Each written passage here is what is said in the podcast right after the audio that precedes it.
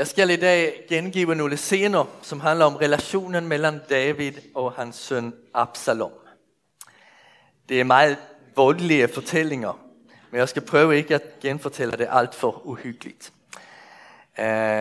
Så skal vi til sist også øh, nå at forsøke å bringe litt lys over en hendelse som er litt svær å forstå. Sist i, øh, i det 24. kapitlet i, i 2. Samuels bog. Hvis noen av jer børn har lyst til å lytte til hva jeg sier til de voksne i dag, så skal jeg gi meg velkomne. Det er faktisk rett spennende, det der sker. David har mange koner, og der bor således mange halvsøskende i palasset i Jerusalem. Det er Davids oppgave at oppdra dem og hjelpe dem at finne sin plass i, i palasset og i samfunnet, i familien der. Men to ting gjør det svært for David. Det ene er, at han ikke har været helt, et helt godt forbilde. Hvordan irettesetter man sine børn med integritet, når man, når man selv har gjort det, som han gjorde sammen med Bat- Batseba? Han har mistet en del av sin autoritet i sine børns øyne. Dessuten har David stor kjærlighet til sine børn. Faktisk så stor kærlighed, at når det står mellom hans egne børn, deres velgang og Israels velgang, så vælger han sine egne børn før Israel. Og det truer ved noen tilfeller landets sikkerhet. Det hele starter med, at Amnon forgriper seg på sin halvsøster Tamar. David blir vred, men eftersom han elsker Amnon, bebreider han ham ikke noe. Han straffer ham ikke. Det kan Tamas bror Absalom ikke akseptere. Han venter i to år, så tar hans menn sjansen og draper Amnon. Efter drapet blir Absalom nødt til å flykte. Det går et par år, så begynner David å tenke på Absalom og bekymre seg om, hvordan han har det. Efter tre år tillater David Absalom å flytte hjem igjen. Men han må ikke vise seg foran kongen. Absalom blir aldri inviteret til festerne i palasset, og han og David mødes aldri for at tale ud om det, der var sket. Til sidst blir Absalom utålmodig og tænder fyr på en mark, der tilhører Davids herrchef Joab. Og det får Joab til å ta fat i situationen og bede kongen om at la hans søn komme foran seg. David kysser Absalom til forsoning, men det blir ikke gjort noe for å løse deres konflikt. Tvert imot blir Absalom alt mer innstilt på å overtage makten fra sin far. Han rekrutterer tilhengere. Til og med Davids forreste rådgiver bytter side og går over til ham. Til sist har Absalom så mange, der støtter ham, at David blir nødt til å flykte. Vi læser, og jeg tror det kommer opp her. Ja, neste. David gikk videre opp av oljebjerget, og han græd hele veien, barfodet og med tilhyllet hoved. Og alle som fulgte ham, gikk med tilhyllet hoved og græd. En dag, tusen år senere, kommer en annen konge ridende den motsatte vei over oljebjerget og inn i byen. Hvis han ønsket at skåne sitt liv, ville han ha gjort som David og reddet den anden vei, ut av byen. Men det gjør han ikke. Davids konge Jesus rider inn i Jerusalem, og liksom David græder han over sitt folks synd og skjebne. Jesus sier, 'Visste blott også du på denne dag, hva der tjener til din fred. Men nu er det skjult for dine øjne. For der skal komme det over deg, da dine fjender skal kaste en vold opp omkring deg, beleire deg og trenge inn på deg fra alle sider. Det skal jævne deg med jorden og dine børn sammen med deg, Og det skal ikke lade sten på sten tilbake i deg fordi du ikke kendte din besøgelsestid. Israel avviste Kristus. Med resultatet at Gud tog sin beskyttende hand over dem, fra dem, og lot Jerusalem ødelægges av romerne år 70. Nu er det vår besøgelsestid. Nu kommer Kristus til oss med evangeliet om fred med Gud. Nu er det nåderige tid. Se, nu er det frelsens dag, skriver Paulus. Hvilket tilbud. Nu her er nåde. Tag imod det i dag. Lev i det og gled deg over det. Ingen av oss kan, når vi går i seng om aftenen, beslutte at vi skal vågne opp den efterfølgende dag. Det er litt angstprovokerende, men sånn er det jo. Sånn er livet. Vi har ikke kontroll over vores liv. Hver dag er en ny gave fra Gud. Vi vet at vi lever nu, og at Jesus længes efter at få lov til at besøge oss, tilgive oss og frelse oss. La han ikke behøve græde over vores avvisning, men i stedet for glæde seg over, at vi får fred med Gud. For det er det, han ønsker å gi oss Nåde og frelse og fred med Gud. Nu er det nåderige tid. David prøver å få informasjon om Absaloms planer. To præster blir i byen sammen med deres sønner for å rapportere om utviklingen. En av Davids rådgiver, Husai, lader som om han går over til Absalom, og heldigvis lykkedes det ham å få Absalom å avvise stjernestrategen Akitofels smarte råd, for, og i stedet for at lytte til hans, hans egen tåbelige strategi. Akitofel begår selvmord, når han innser hva det er ved at ske. Trods tragikken er det også en ledelse for David, han har vært meget urolig for Akitofels strategier. Vi læser i 2. Samuels bok at et råd fra Akitofel havde dengang samme verdi som et svar fra Gud.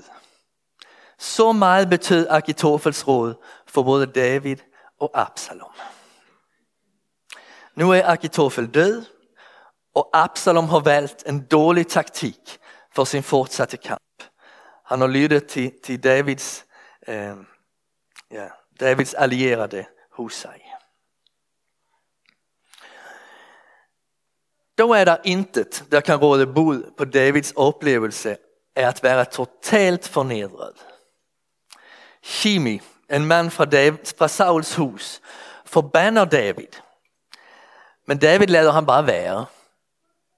Han er allerede så beskimmet ved at være i konflikt med sin egen søn, at det ikke kan bli rett mye verre.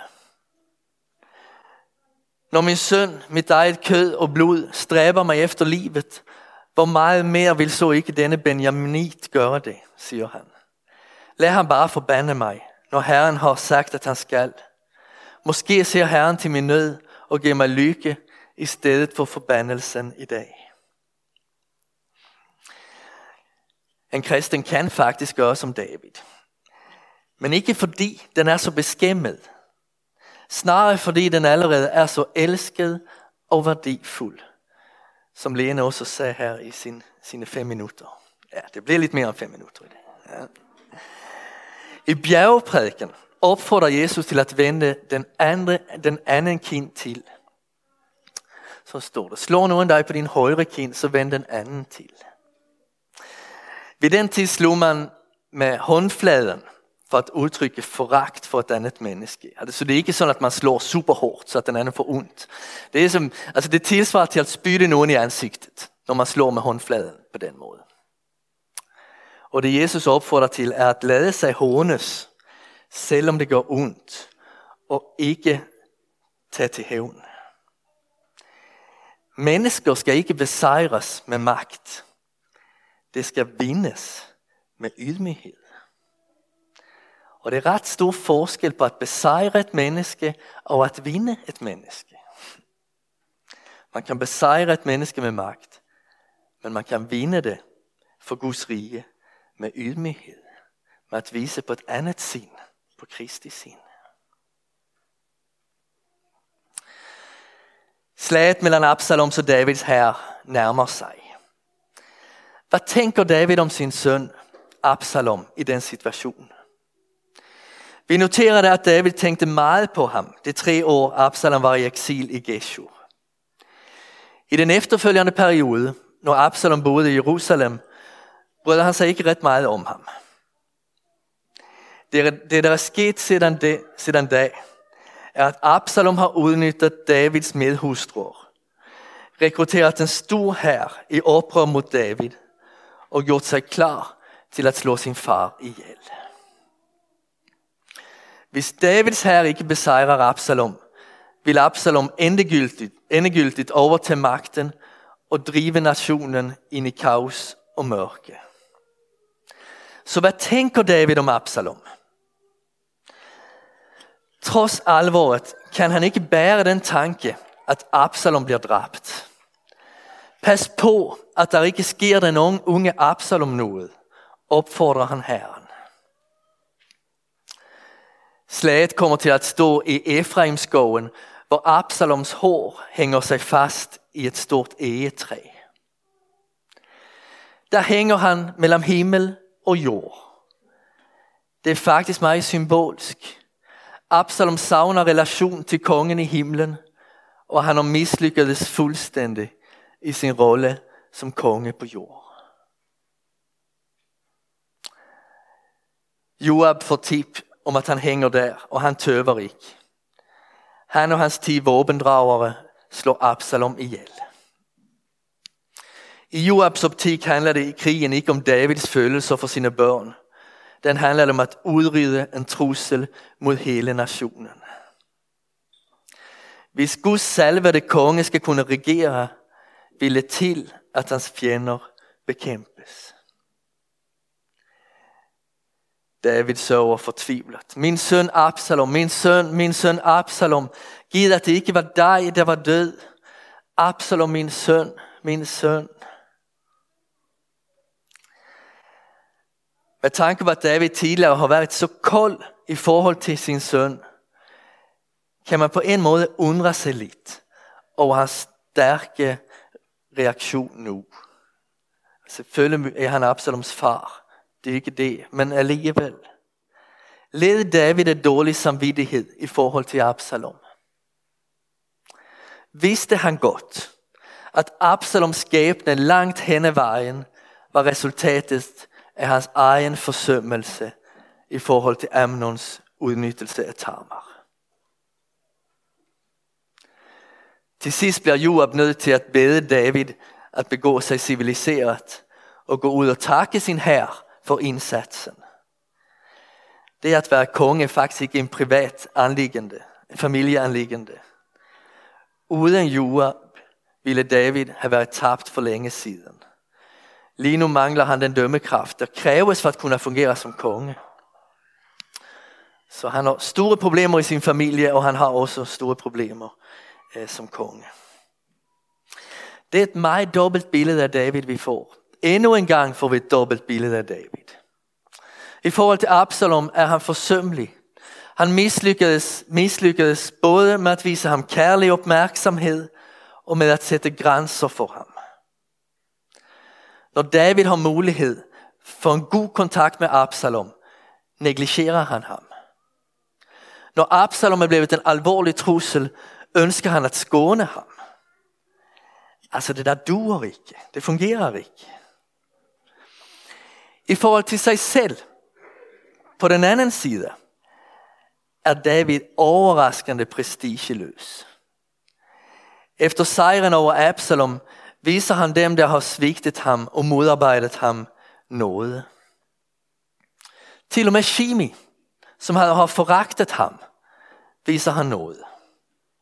I dag er det ingen i Israel, der skal lide døden, for nå ved jeg, at det er meg der er konge over Israel, sier han.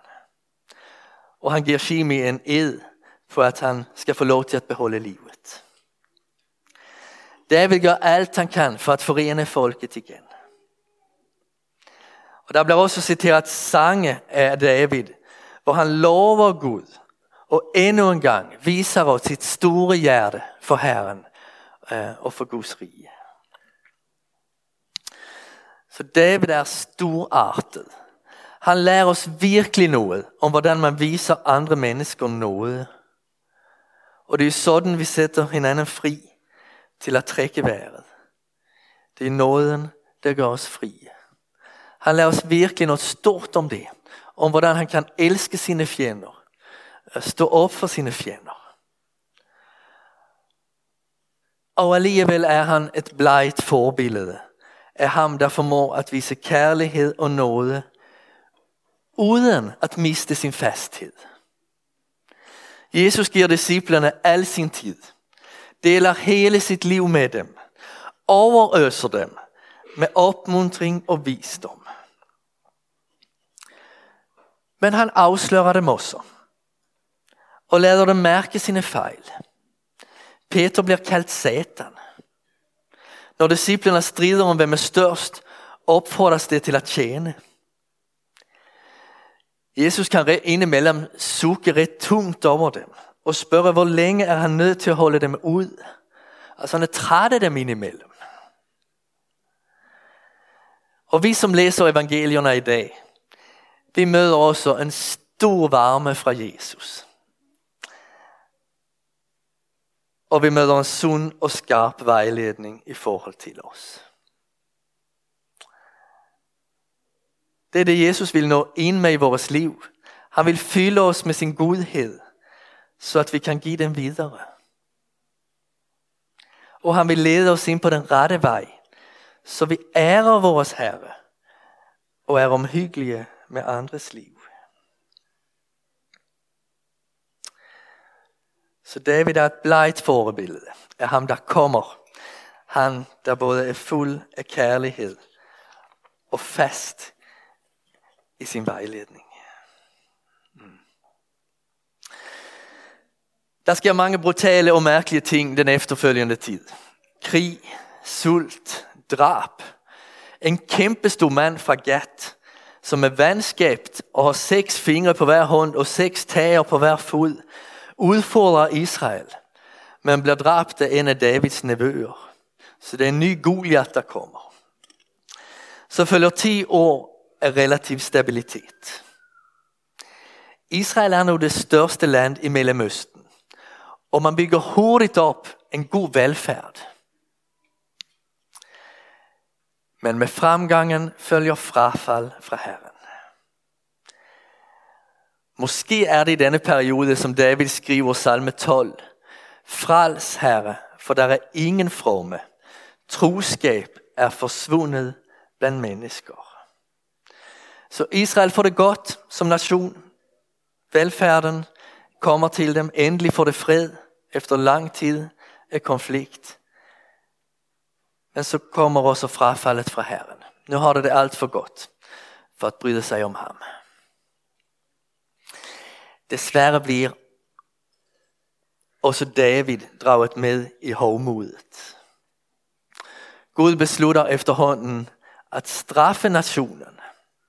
Vi leser i kapitel 24, vers 1. Og Nå kommer vi inn på den siste delen i preken, som handler om den her lidt svære tekst. Det her litt svære. Vi skal prøve å, å, å forstå det. Vi læser i kapitel 24 der. Herrens vrede flammede igjen opp mot Israel, og han lokket David til at tire folket og sa, gå hen og hold folketælling i Israel og Juda. Gud ser, at der, uh, Gud sier at det homo som er i David og i folket, behøver blottlegges. Ellers vil det bare fortsette. Så lenge det går godt for nationen, vil det bilde seg inn at alt er som det skal. Hvem, men hvem er det egentlig, der lokker David? I en parallell tekst i første krønikebog, 21, vers 1, læser vi, Satan trådte opp mot Israel, og her han det David til at holde folketelling i Israel.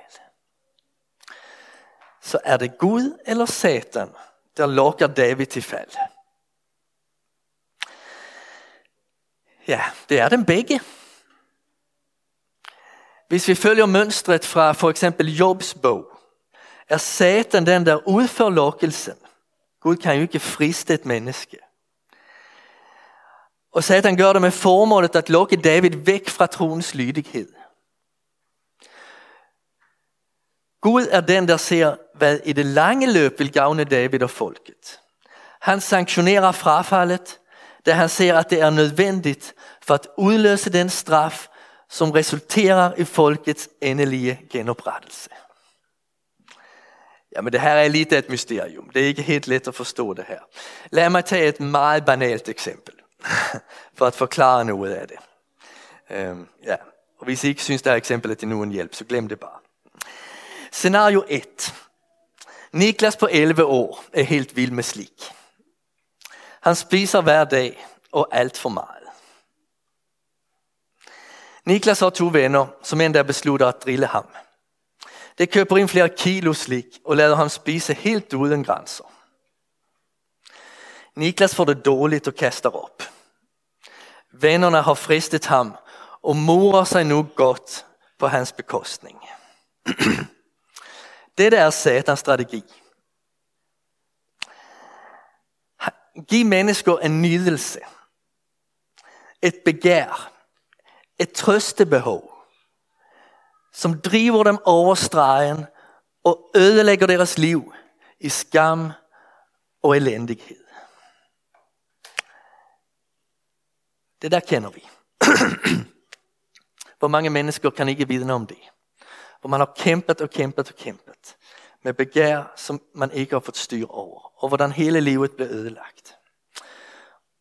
Ja, og vi gjenkjenner det alle fra vores liv, mer eller mindre. Eh, så er det der. Fristelsene, svakhetene som vi faller for. Det er satans strategi. Ned i skam og elendighed. Scenario 2. Niklas forældre er bekymrede over at Niklas spiser så mye slik. Han får dårlige tænder. Han har taget på en hel del i vekt, Med konsekvensen at skolekameratene har begynt at gi ham kjælenavn som ikke er så charmerende.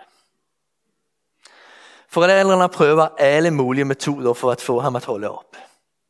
De sætter forbud opp, De prøver å begrænse øh, slikspisningen til vikingene.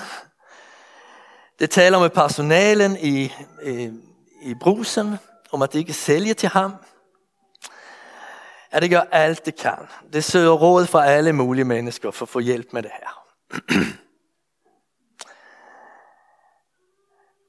Men eh, Niklas er snedig. Han er flittig til å finne småjobb, så han tjener penger, og han er god til å få andre til å kjøpe inn. Så han løser det der.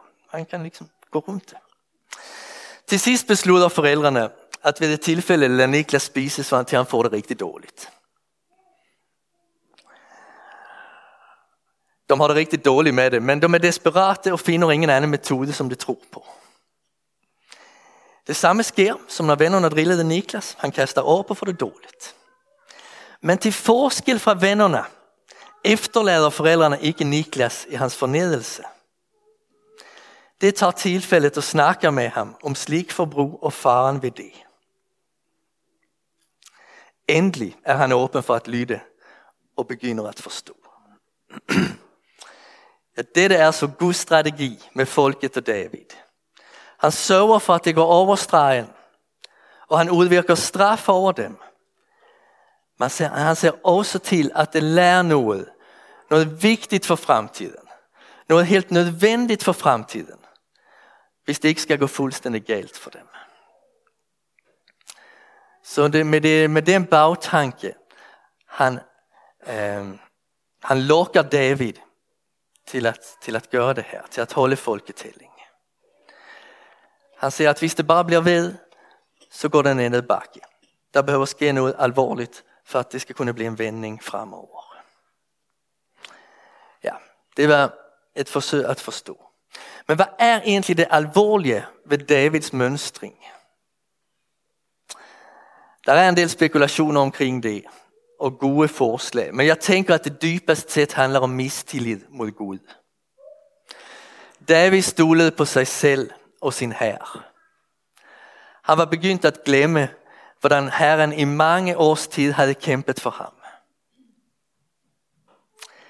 Det er først når folketællingen er avsluttet, ni måneder senere, som David begynner å tenke over, hva han egentlig er i gang med. Og det er det verdt å notere. Synd kan i lang tid føles som det helt riktige. Man kan være så fullstendig blendet, blendet af lyst eller makt eller fremgang, at man helt ignorerer Guds, Guds stemme og vilje. Det, der føles riktig, er ikke alltid rigtigt. Det er først, når David stiller spørsmålet hva tenker Gud egentlig om det her? Som han får samvittighetskveler. Det har han ikke haft i de der ni måneder. Men før vi ser på Davids anger, la oss bare notere, at det kun er ni måneder tilbake til jul. Og hvordan starter evangeliet om julen?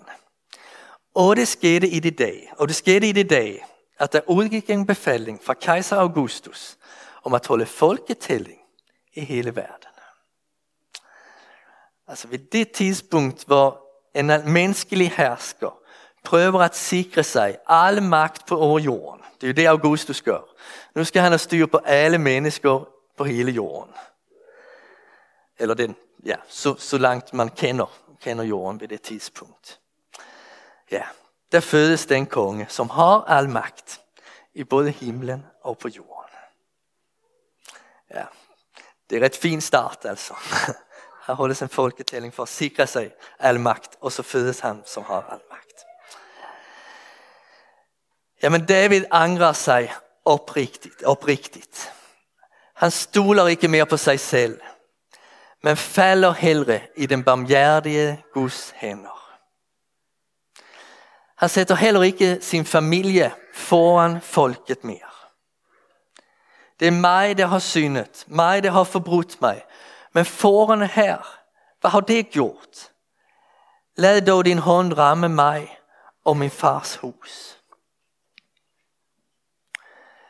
Gud lader David vælge mellom tre straff. Det første er tre år av hungersnød. Det vælger David ikke. Han vet at det kun rammer folket. Selv vil han alltid ha den mad, han har brug for. Det rammer ikke kongens hus. Det gjør det ikke. Det andet er at være på flukt i tre måneder. Men det vet David også, at han overlever. Det er hans hær der vil betale prisen for det. Det tredje alternativet er tre dager er pest. Det kan David ikke beskytte seg selv for. Det vil ramme alle grupper i landet lige. Hvordan går det med de tre dage af pest?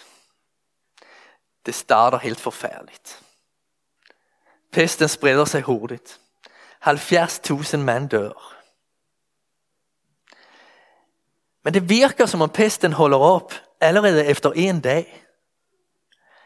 Men da englen rakte sin hånd ut mot Jerusalem for å ødelægge byen, fortrød Herren ulykken og sa til englen, som brakte ødelæggelsen blant folket, det er nok, træk din hånd tilbake. Pisten stanser ved Aravnas terskeplass, eller Ornans terskeplass, som den også hed. Gud gir David og folket grund til både at frygte ham for hans vrede og tilbede ham for hans nåde. De ser konsekvensene Guds dom i de mennesker, der dør. Og de ser storheten i hans nåde. Det han ikke fullfører planen, men bereder plass for det brandoffer og måltidsoffer, som avsoner synden. Så det er selvfølgelig alvorligt. 70.000 menn dør, men det kunne altså ha endt langt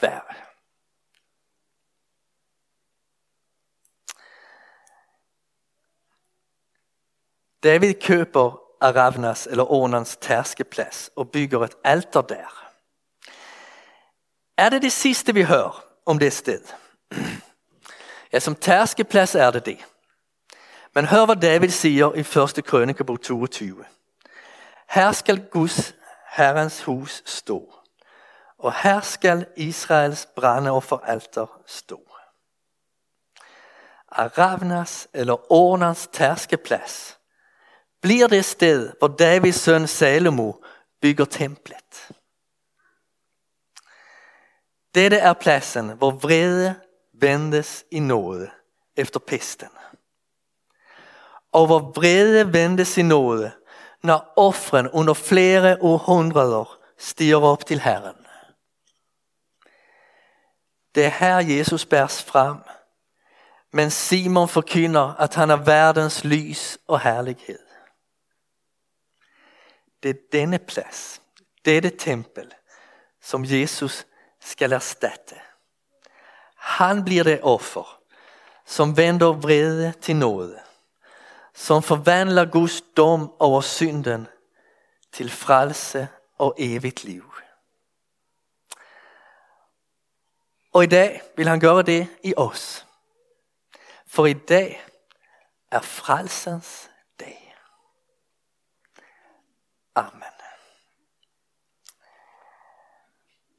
Herre, vi takker deg for at i dag er frelsens dag.